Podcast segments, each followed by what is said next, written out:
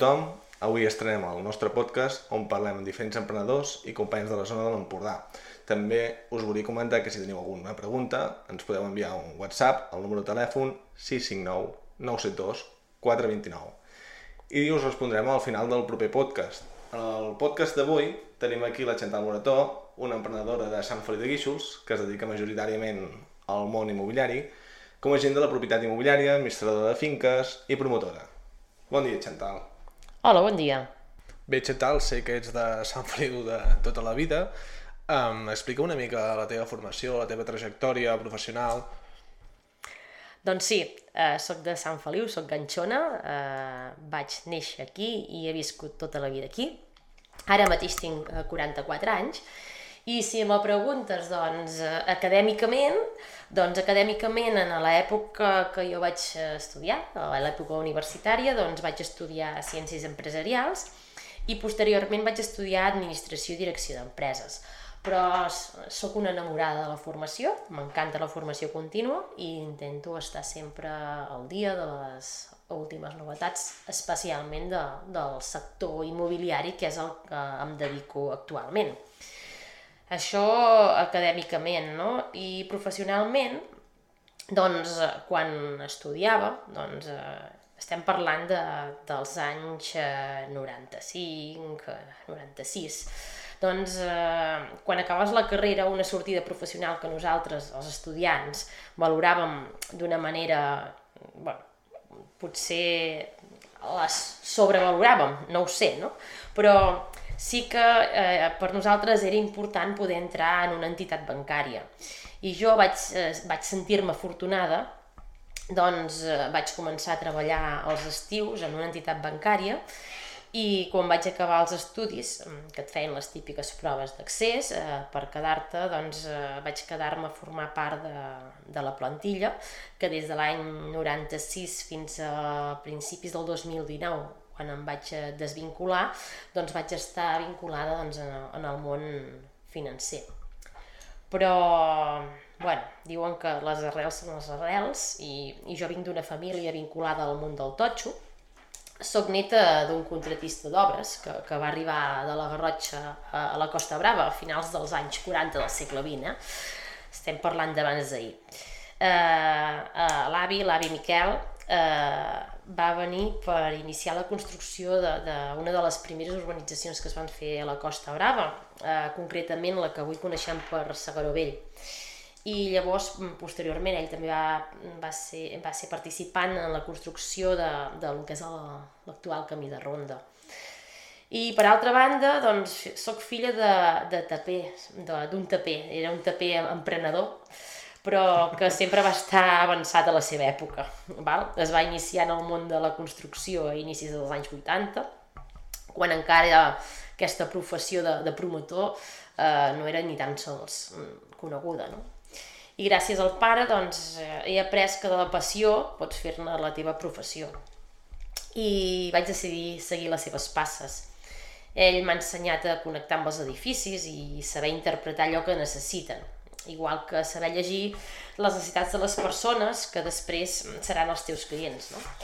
I bé, vaig estar compaginant aquestes dues feines la del sector bancari i de l'immobiliari, però des dels inicis del 2019 que em dedico plenament a la gestió de, de, de la immobiliària, eh, soc agent de la propietat immobiliària i administrador de finques i, doncs, i a casa doncs, tenim una petita promotora. Això és una mica vale, el resum. Complet, bastant complet. sí.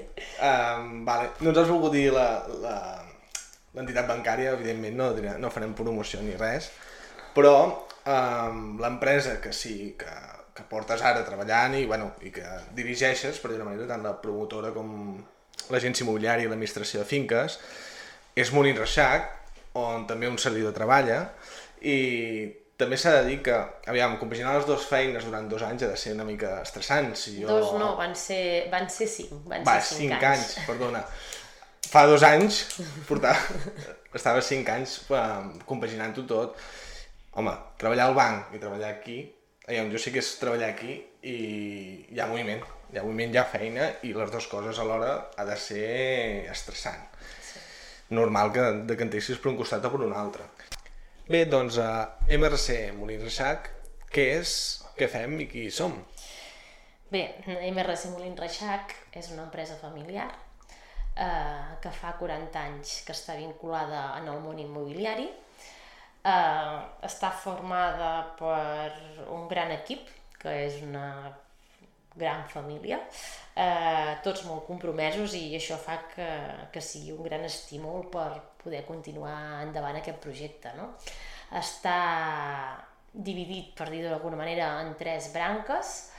Una és la, la promoció immobiliària, la qual és la que ens va donar els nostres orígens i encara s'està construint. Estem construint la llar de, dels nostres clients aquí a la, a la zona i llavors el segon, la segona branca és la, que és la immobiliària pròpiament dita, les vendes eh, i lloguers, eh, que es gestiona doncs, tot el que és la venda d'aquests pisos que construïm, juntament amb pisos que diríem de segona mà, no? que se'n diu.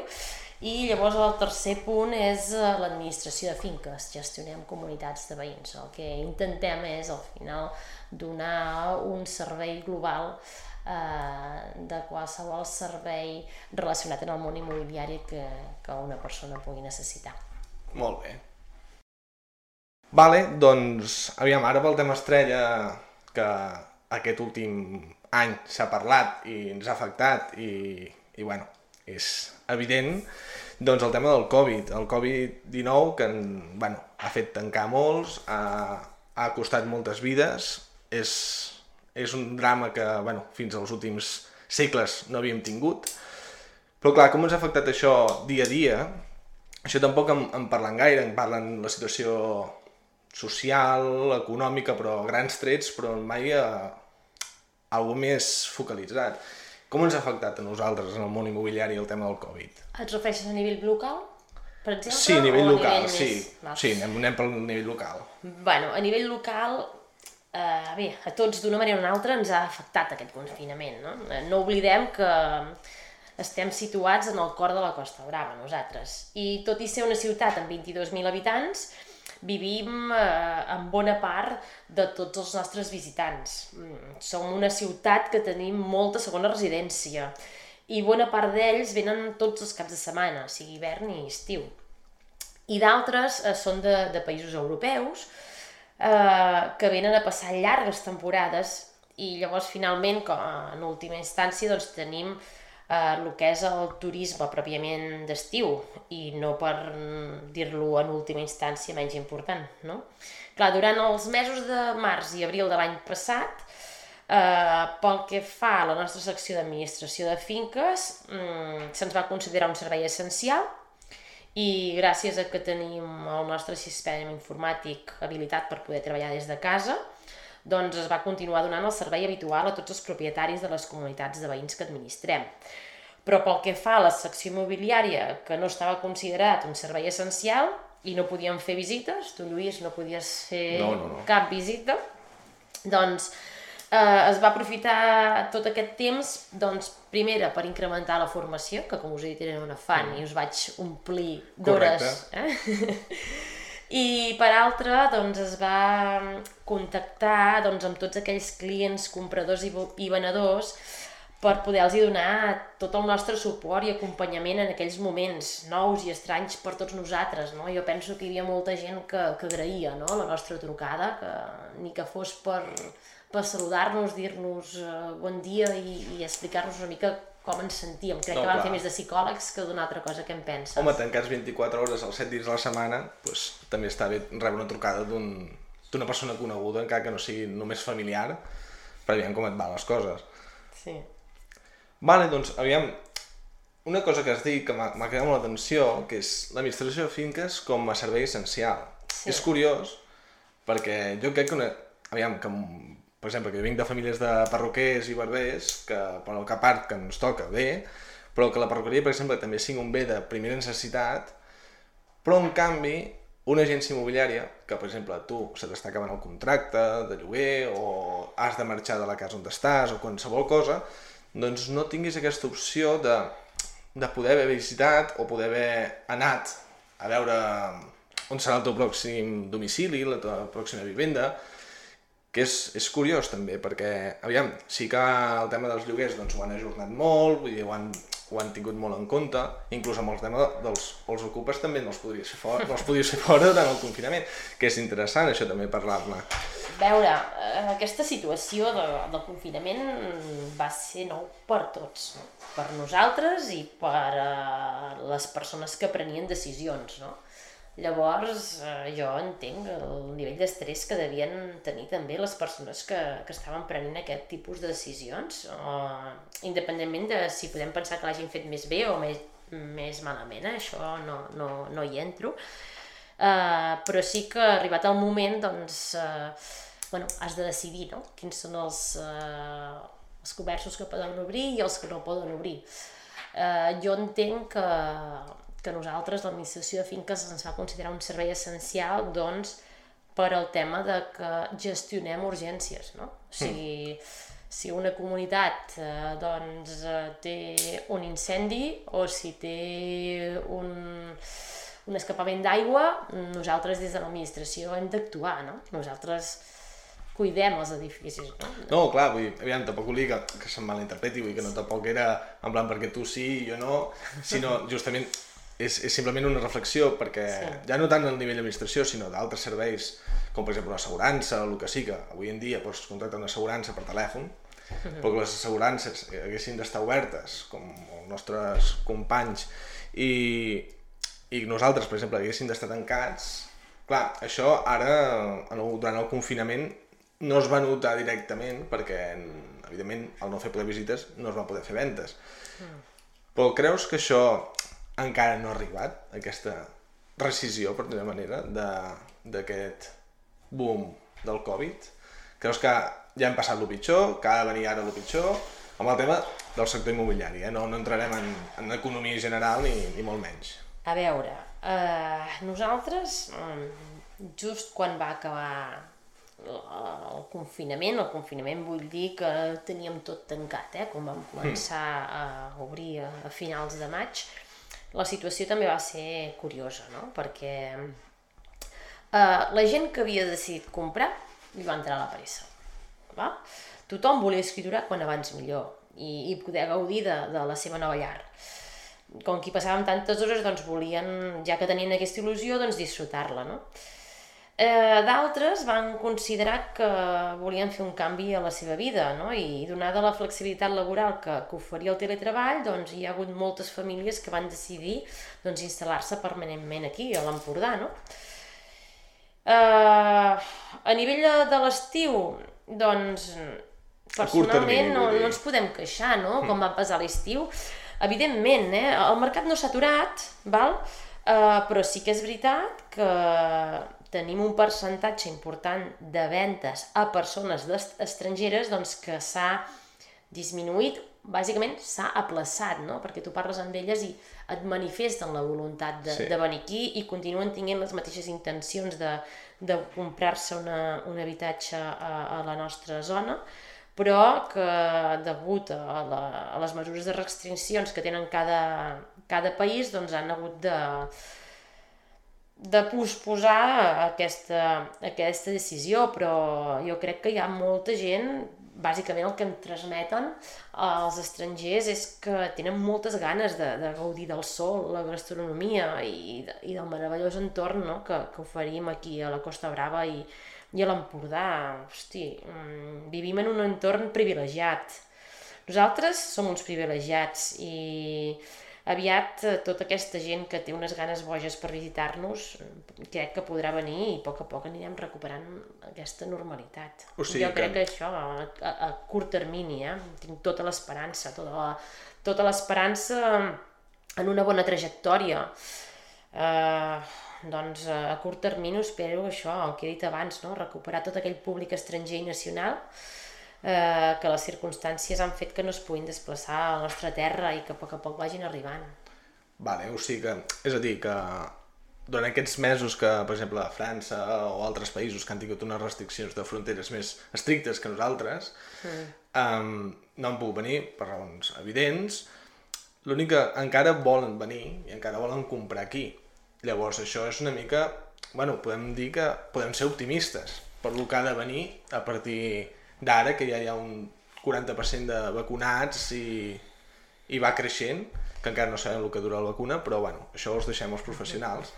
Um, clar, això és esperançador, per dir una manera. Jo en tinc molta, en tinc molta, en tinc moltíssima esperança de, de, dels propers mesos, de, de mica en mica anar, anar recuperant tot aquest públic. Penso que mm, potser m'equivocaré, no? Però en aquests moments, eh, eh, si et digués el contrari, no és el que penso. Penso que, que pot venir una... Estem a...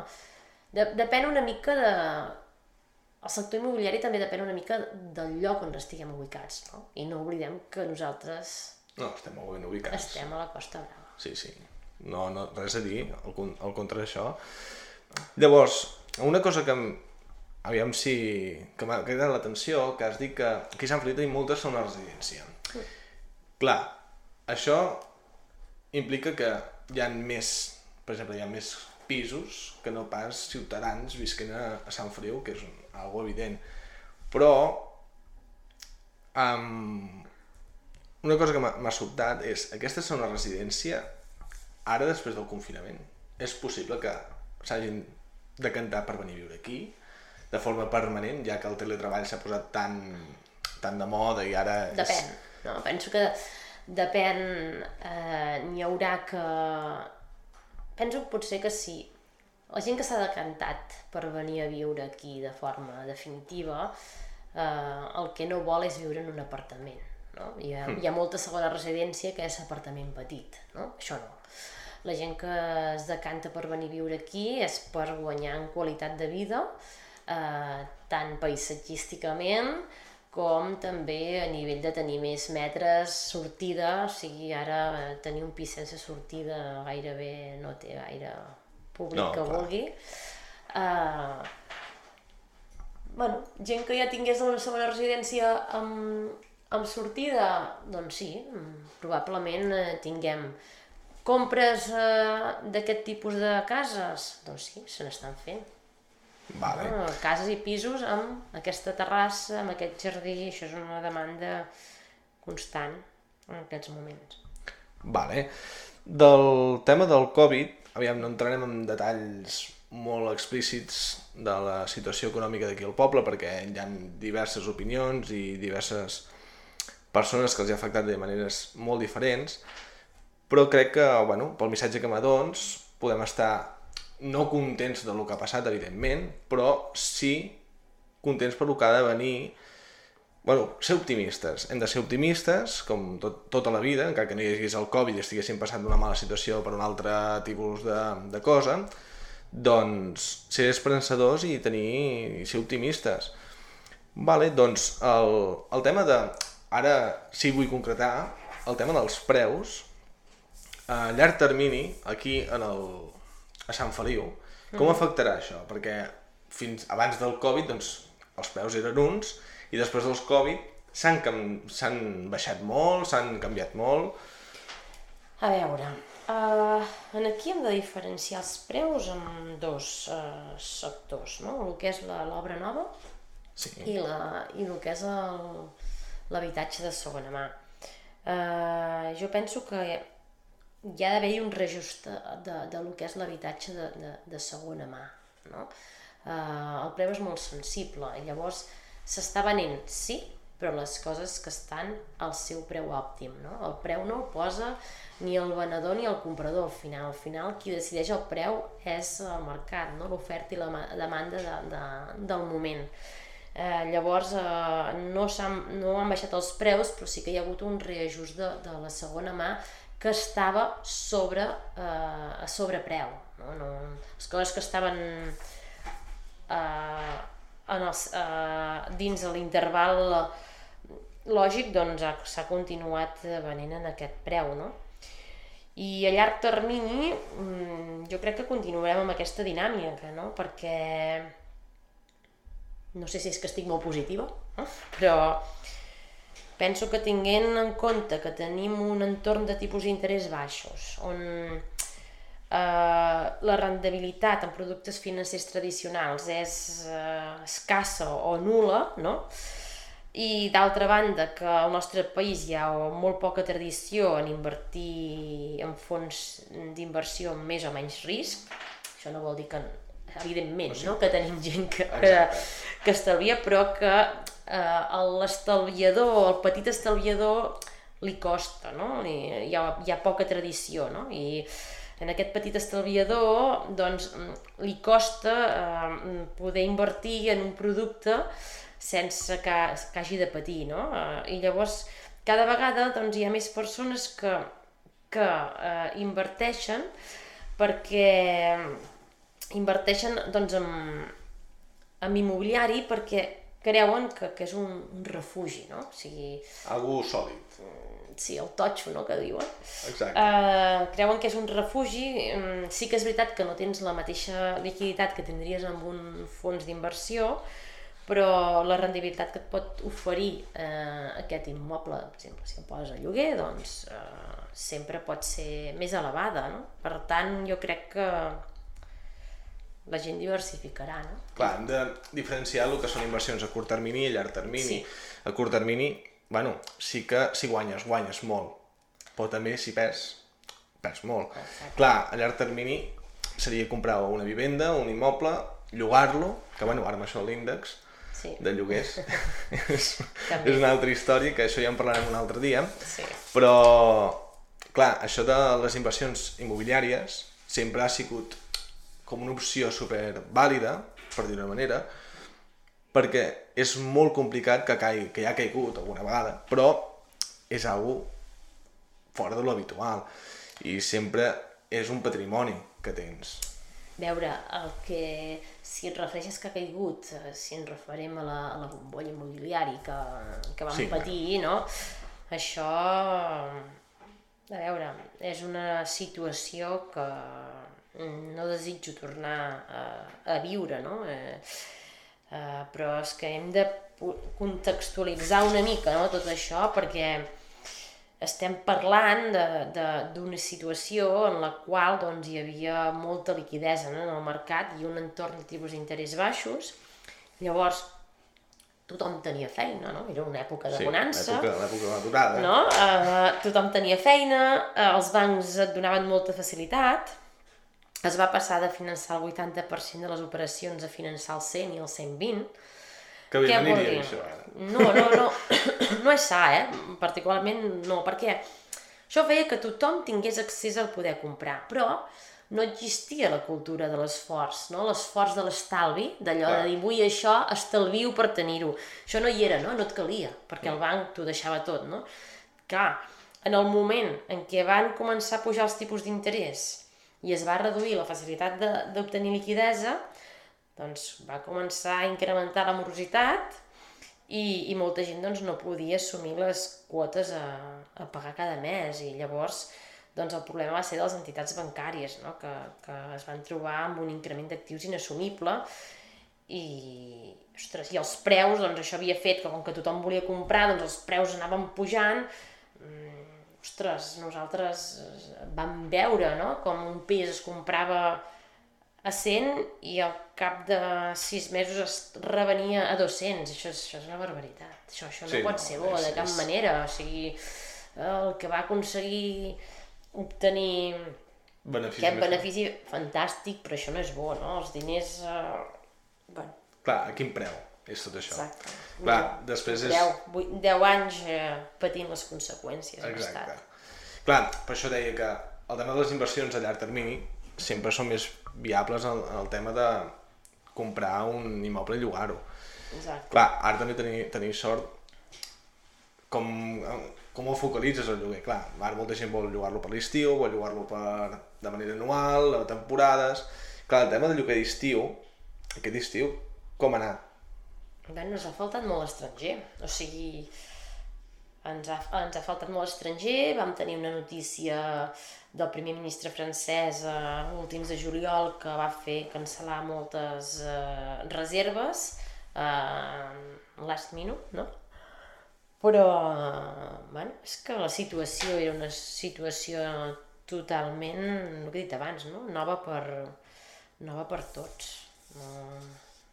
Clar, però això, el públic aquest també, aviam, es va espantar molt perquè ho va dir el primer ministre francès, però s'ha de dir que continua veient, venien igualment, segons quins estrangers venien, perquè no tenien aquesta por tan terrible que deien que, que al final semblava que Catalunya fos de color negre, vull dir, que, no, Sí. que ningú volia venir d'una manera exagerada, que al final tampoc és que... Aviam, No, no. que estaven molt malament les, les coses com són, però, però tant com frenar tot el turisme francès, que és el que més tenim, diem sempre francès perquè, com estem al costat, són els, els primers que venen. Llavors, No, clar, no els, que, els que arribaven se sorprenien i deien, bueno, no esteu tan malament aquí, no? O sigui, exacte, això- no estamos això- tan mal la porta. Exacte. Um, vale, doncs, perfecte. Doncs, si vols, anem a un, a un altre punt, que bueno, hem parlat del tema d'inversions immobiliàries, hem parlat de, del tema del lloguer turístic que ens va afectar, però que també, treballant amb tu, doncs també vam veure que es va reemplaçar per un turisme més local, a nivell Sí. barceloní, mm, inclús algú de Lleida, de la Garrotxa, que, bueno, que volia disfrutar una mica de la platja també, ja que venint d'un confinament, doncs també poder oxigenar-se una mica. Vale, doncs mira, et volia preguntar sobre diferents coses que no segur, segurament no ens donarà temps de, de tot, però una vaig veure l'altre dia a la, la tele, a la televisió vaig veure un anunci de una agència immobiliària, no direm noms, evidentment, que treballa de manera totalment virtual. Que clar, això és el futur. Ara amb el tema del, del Covid i tot això, ara tothom diu que és el futur, que, que bueno, aquests intermediaris no presencials, per dir d'una manera, doncs és la nova generació d'agències immobiliàries, però consideres que el factor humà, el factor presencial, és essencial a la nostra feina? A veure, uh, tant si és presencial físicament com poder fer una videoconferència en el cas de que no, que no, no ens puguem trobar, penso que és molt essencial el- l'acompanyament no, al client, l'acompanyament des del primer dia eh, i les recomanacions eh, des dels professionals. No? Um, els agents de la propietat immobiliària, eh, ostres, a vegades no tenim, no tenim prou valorada la feina, no? però eh, hi ha molts factors a tenir en compte a l'hora que vulguis comprar o vendre una, una vivenda i nosaltres mm, crec que som els responsables d'informar no, aquestes persones.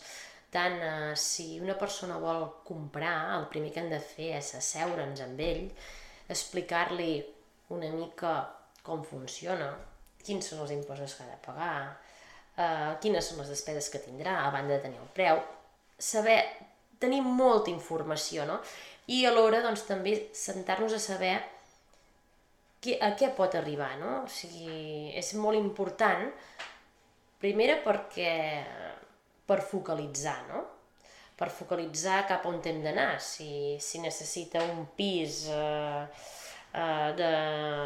És igual, les quantitats, no? O sigui, hem de saber a què pot arribar per poder-li oferir el millor producte dins del seu eh, pressupost, però l'única manera és parlant-te'n, no? I les, aquestes empreses que has vist tu per la televisió és potser més focalitzat al venedor, no? Correcte. Llavors, eh, el venedor mm, també penso que ha d'estar ben assessorat, no? perquè també té unes obligacions en tant que venedor i, i penso que en aquí, en aquestes, aquest tipus de publicitat és una mica mm, qüestionant els nostres honoraris, no?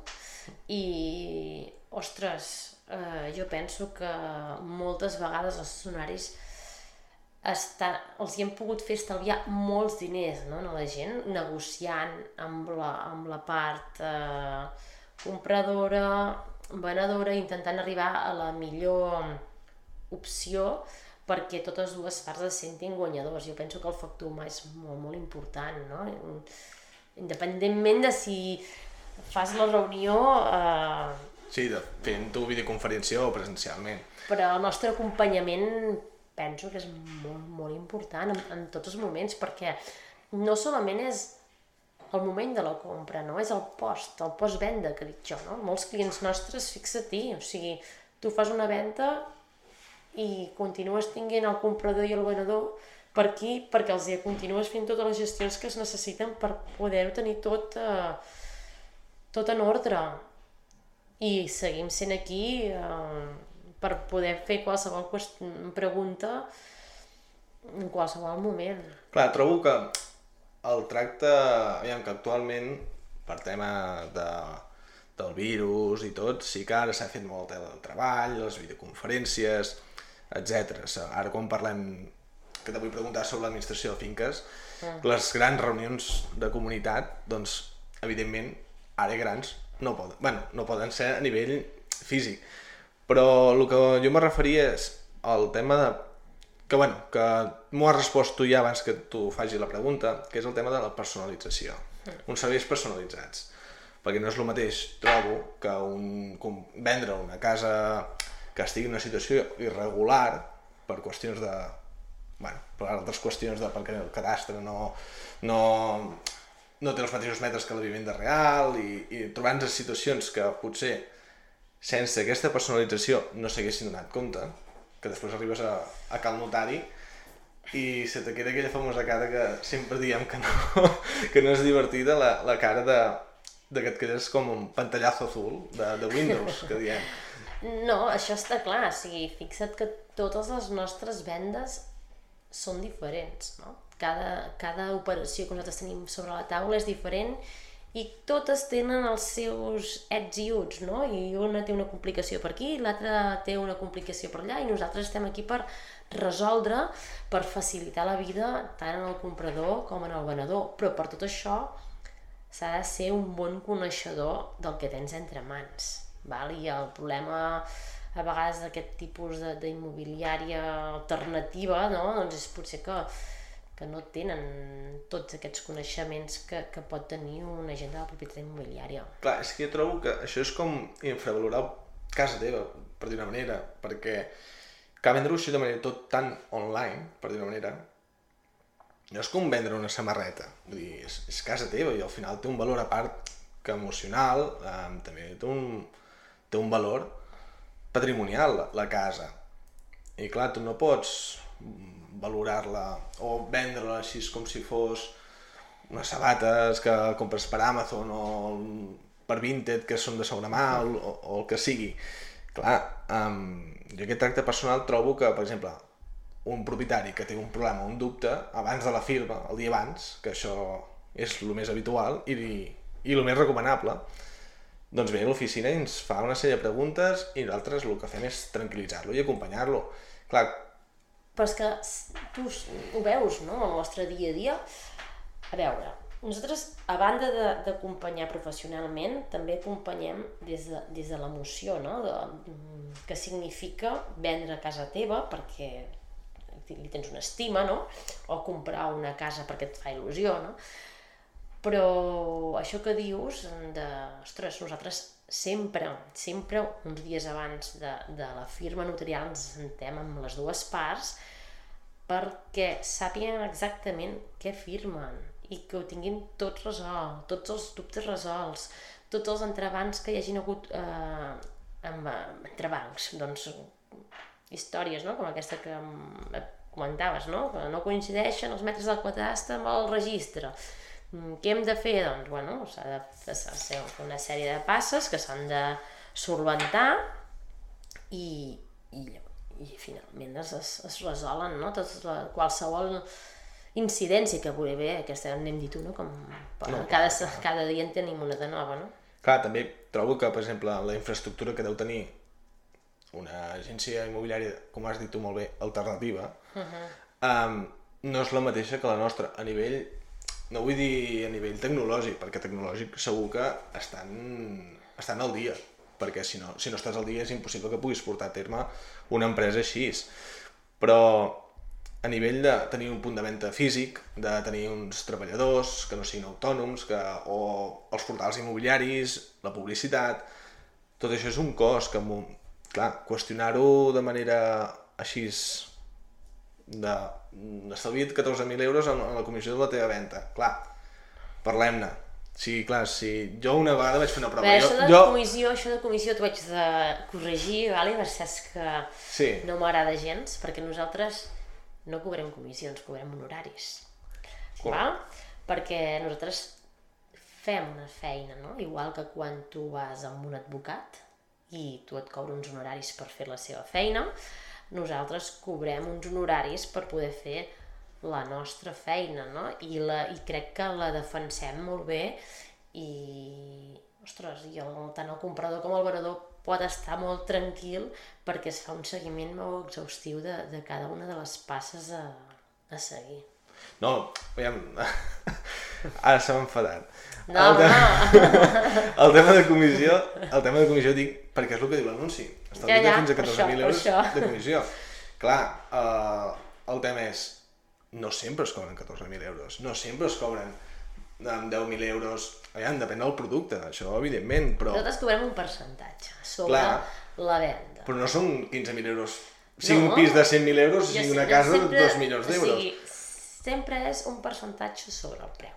Correcte. Va? Si aquest preu es baixa, nosaltres baixem i, i llestos i, i l'operació es tanca, no? Però vull posar en valor, no? Perquè allò que diuen que comprar barat acaba sortint car, no? Correcte. doncs a vegades val la pena posar-te en mans de professionals que t'assessorin bé i que puguin tancar la venda amb tots els teus dubtes que puguin sortir resolts en qualsevol moment. Clar, mira, jo te confessaré. Jo abans de, Confessa, confessa. de treballar aquí, fa Sí. uns anys, doncs vaig fer la prova, perquè ja, ja existia aquesta agència immobiliària, vaig fer la prova de jo fer-me passar pel client. Mm. Perquè volia veure com funcionava, perquè me semblava molt interessant, fins a aquell moment, em semblava molt interessant aquesta funcionalitat que tenia aquesta empresa. L'estalvi, no? aquest estalvi que Exacte, dic, aviam, algú, algú ha, de, ha de passar aquí, interessant. Doncs vaig enviar una sol·licitud um, per veure una, un pis, així, un pis econòmic, eh? Algú que si diguin amb un nom, doncs sonés creïble. doncs, doncs vaig enviar, bueno, vaig enviar la sol·licitud i m'arriba un SMS amb les dades del propietari i el telèfon, amb el nom i cognom del propietari i el telèfon.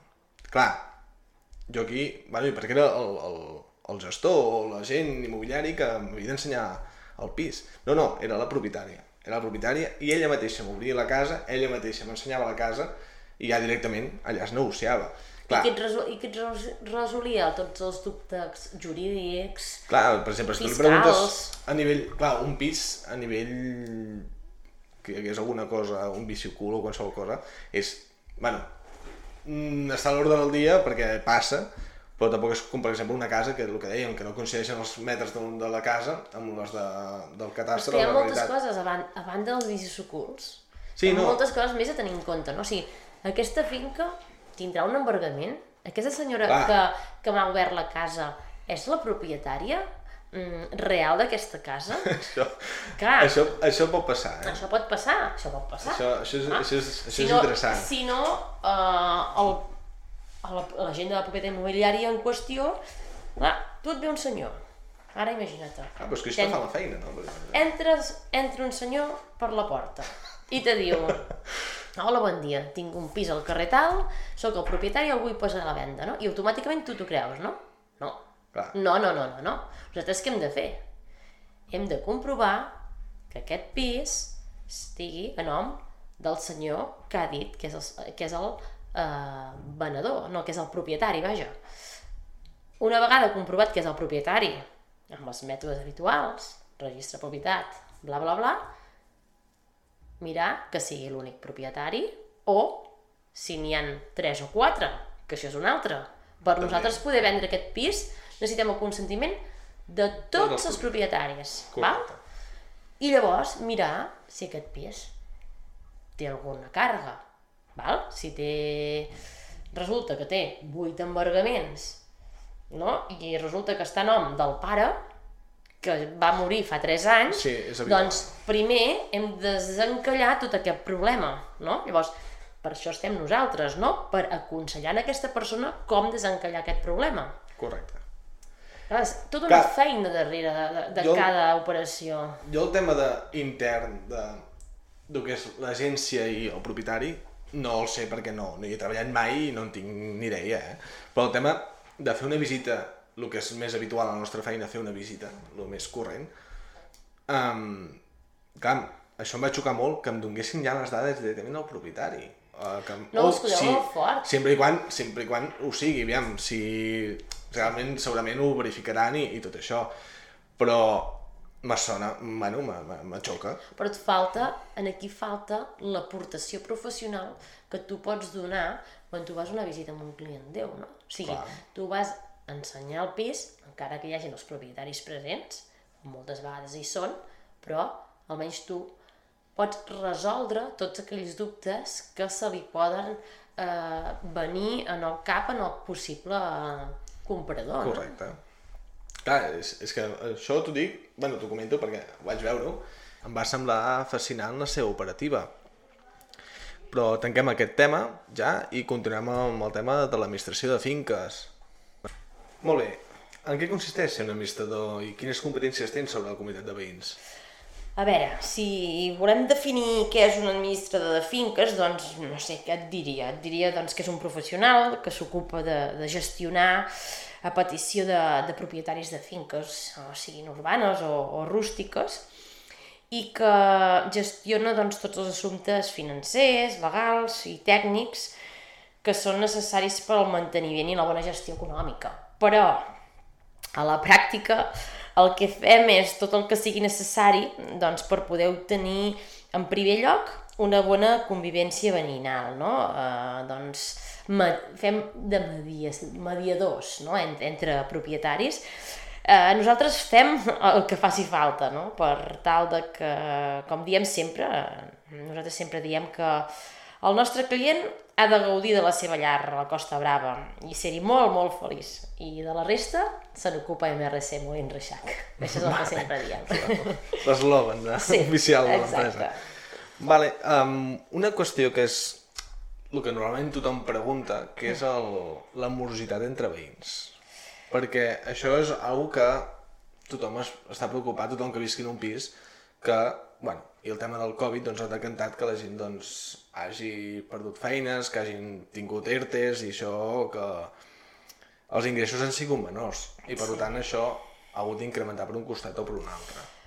veure, eh, la morositat és un tema delicat, no? però des de l'administració és un dels temes importants que nosaltres hem de mm, cuidar eh, cada dia, no? durant tot l'any, a intentar eh, reduir al màxim la morositat, no? perquè eh, sigui en èpoques de bonança o sigui en èpoques de, de crisi o manca de feina o que, el que sigui, mm, sempre hi ha aquell veí que li costa eh, pagar, doncs llavors nosaltres el que hem de fer és posar tots els nostres esforços a intentar doncs, buscar-li un mètode perquè pugui fer front a les seves quotes. No? I llavors sempre és el que diem, no? si una persona mm, deu 100 euros i li costa, imagina't, si en deu 200, li costarà el doble, no? El que de- hem d'estar és molt, molt a sobre de, de la morositat per intentar doncs, eh, que aquesta morositat et sigui eh, mínima. Clar, frenar-la i també eh, buscar un mètode per ajudar-lo. Exacte. No, no, no, és el que primer he dit perquè sense ajuda, doncs, eh, nosaltres entenem no, que, que tothom pot passar una època difícil, però el més important és la voluntat de pagament. Si un, un propietari té voluntat de pagament, per mala època que passi, ve aquí, ens explica la situació i trobem una fórmula. Llavors, um, parlant l'altre dia a casa, veient la televisió, és que a casa mirem molt la televisió, clar, veient aquests programes que és la que s'avecina, la química en viva, això Molt, molt didàctics, veig. en molt didàctics, molt... Molt educatius. són. Exacte. Clar, això em fa gràcia perquè ha vegades que anècdotes que poden sorgir, no, no només teves, sinó d'altres companys administradors també, doncs la convivència entre veïns pot ser més real. El que surt de la televisió sol ser... A veure, aquests programes són, Sé que és exagerat, són exagerats, però moltes vegades amb els companys de professió, a vegades que fem teràpies, teràpies de, de grup, eh, realment a vegades la realitat supera la ficció. Sí, sí, és cert. Clar, és que tu veus, i per exemple l'altre dia, doncs, una anècdota, i el meu pare diu, és que això és, és, és impossible, però, el, però m'ha fet gràcia perquè alguna vegada he escoltat, no teves, sinó d'altra gent, doncs, anècdotes, i li, vaig dir al meu pare que no, no són tan fictícies ni tan irrisòries com, com poden semblar. Però bueno, tens alguna cosa més a, a destacar de l'administració, algun, alguna anècdota o algun afer? Mm, no, més que tot és que voldria, voldria posar també en valor la professió dels administradors de finques, no? que penso que és important, no? a vegades no es valora prou i, i penso que, que una comunitat eh, en la qual es gestioni bé tant econòmicament com totes les incidències que poden passar durant l'any, la veritat és que eh, acabes eh, millorant molt eh, la qualitat de l'edifici en, tots els, en tots els sentits. Vale, Chantal, doncs eh, al final de cada podcast tinc pensat doncs, que el convidat o el col·laborador habitual, com és aquest cas, doncs em faci una, una pregunta a mi, de qualsevol, vull dir, sorpresa. Bé, ja que la idea ha estat teva de fer el vermut de Molins Reixac, eh, m'agradaria que em diguessis quina és la intenció no, d'aquest podcast. En primer lloc és tenir una estona cada setmana una mica diferent per tancar la rutina, però alhora que sigui una estona enriquidora. Hem pensat que cada vegada més la gent li agrada estar informada i pensem que aquesta secció pot ser una bona manera d'estar-ho. Ens agradaria que fos una estona entretinguda i la intenció és que cada setmana puguem tenir entre nosaltres professionals de diversos sectors, no únicament del sector immobiliari, però que d'una manera o una altra hi puguin estar vinculats. Personalment m'agrada molt el format aquest de podcast alternatiu perquè penso que és molt més dinàmic i és més una conversa entre un parell d'amics o un parell de companys que no un programa d'entrevistes i respostes, preguntes i respostes. I al principi doncs volia fer un, un podcast amb algú que tingui una confiança, com és amb tu, que ens veiem cada dia, treballem junts i per tant tenim ja una confiança. I també doncs, fer-nos conèixer Molins Reixac, doncs, que també té un podcast, a part de, de l'agència immobiliària perquè la gent pugui estar informada sobre el món immobiliari actual i d'altres temes que tractarem en el futur. Bé, sense estar acabant el temps, Chantal, eh, el proper dia, si vols venir, parlarem de, del mateix que hem parlat avui, però amb més detall i més, i més concretament. Llavors, parlarem sobre la promoció, sobre la construcció d'obra nova i alguna cosa més a dir. L'experiència d'avui ha sigut Bé, ha sigut una experiència nova per mi, no estic acostumada a posar-me davant d'un micròfon uh, i no és fàcil. No, no, i també és nou per mi. posant en valor uh, la feina que fan uh, els locutors uh, que escoltem cada dia a la ràdio. O sigui que... No, no, ha sigut difícil i, i sí. ha costat d'arrencar, però després sí. un cop ja... Sí, sí, sí però va, eh, suposo que amb el temps i anar fent pràctiques eh, anirem millorant el nostre speaking vale. en directe. Doncs moltes gràcies per haver-me acompanyat aquesta primera experiència, que, bueno, com hem dit, ha sigut complicada al principi, però moltes gràcies i aviam si ens tornem a veure aviat. Moltes gràcies a tu. Fins aviat. Doncs moltes gràcies per haver-nos escoltat en aquest podcast i volia repetir que si voleu, teniu algun dubte o teniu alguna pregunta que ens vulgueu fer i nosaltres respondre al final del proper podcast, ens podeu enviar un WhatsApp en el número de telèfon 659 972 429. Repeteixo, 659 972 429. Moltes gràcies i fins la setmana que ve.